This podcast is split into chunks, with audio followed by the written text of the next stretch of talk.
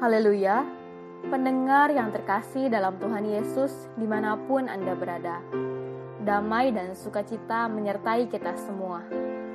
Renungan sauh bagi jiwa yang disajikan gereja Yesus Sejati berjudul Perlindungan Allah. Pada waktu malam, datanglah Allah dalam suatu mimpi kepada Laban, orang Aram itu, serta berfirman kepadanya, Jagalah baik-baik, supaya engkau jangan mengatai Yakub dengan sepatah kata pun. Kejadian pasal 31 ayat 24. Yakub adalah seorang yang cerdik, namun juga licik. Dia memperdaya kakaknya Esau untuk menukarkan hak kesulungannya dengan semangkok masakan kacang merah.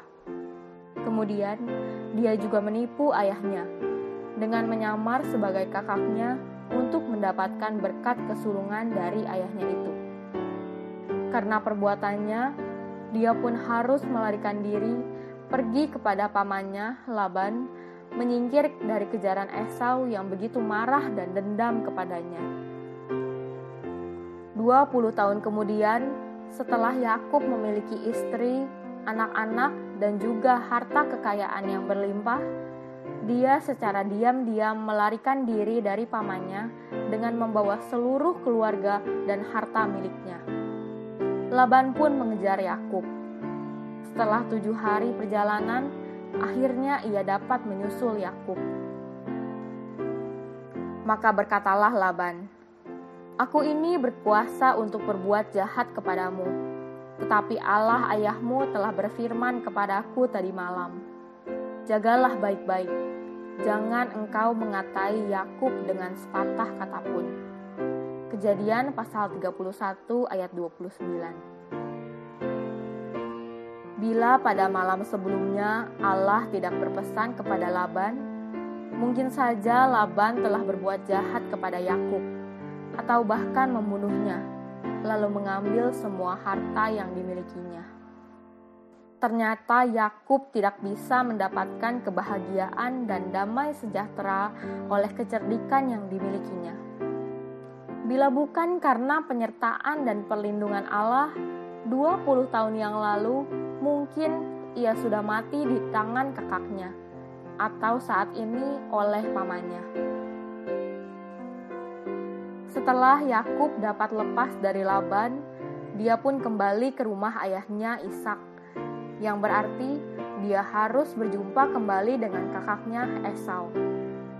Perbuatan jahatnya dahulu membuat dia begitu takutnya kepada Esau, yang mungkin karena dendam akan membunuh dia dan juga keluarganya.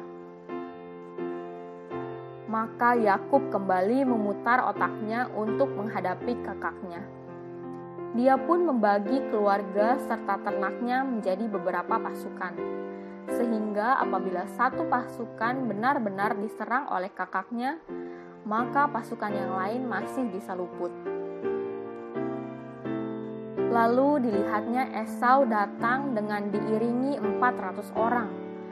Maka Yakub berjalan di depan mereka, sujud sampai ke tanah tujuh kali hingga ia sampai ke dekat kakaknya itu.